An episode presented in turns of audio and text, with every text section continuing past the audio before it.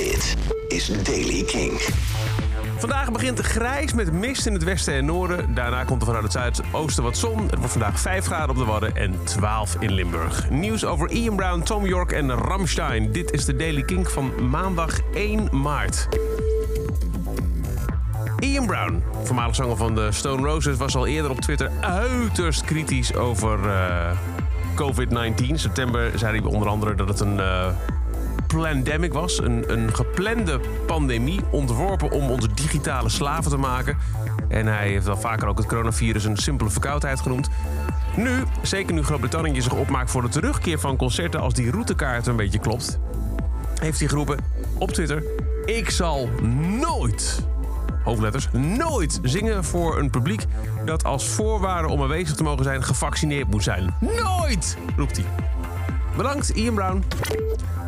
Tom York gaat niet meer op tour in 2021. Dat wil zeggen, de tour die in eerste instantie vorig jaar was georganiseerd, gaat niet door. Was allemaal verzet naar dit jaar. Maar nu heeft hij een officieel statement laten weten dat de solo-tour vanwege alle coronamaatregelen de ijskast erin gaat. Dat betekent dus dat 5 juli AFAS Live uit de agenda gaat en dat hij ook niet op Rock Werchter komt, vermits dat doorgaat. Goeie nieuws van coronavirus. Artiesten hebben meer tijd voor andere dingen. En nu weten we het 100% zeker. Er waren al wat uh, suggesties hier en daar gedaan. We hadden foto's van de band gezien in de studio. En nu heeft Christian Flake Lorenz bevestigd. Ramstein heeft tijdens de lockdown een volledig nieuw album opgenomen.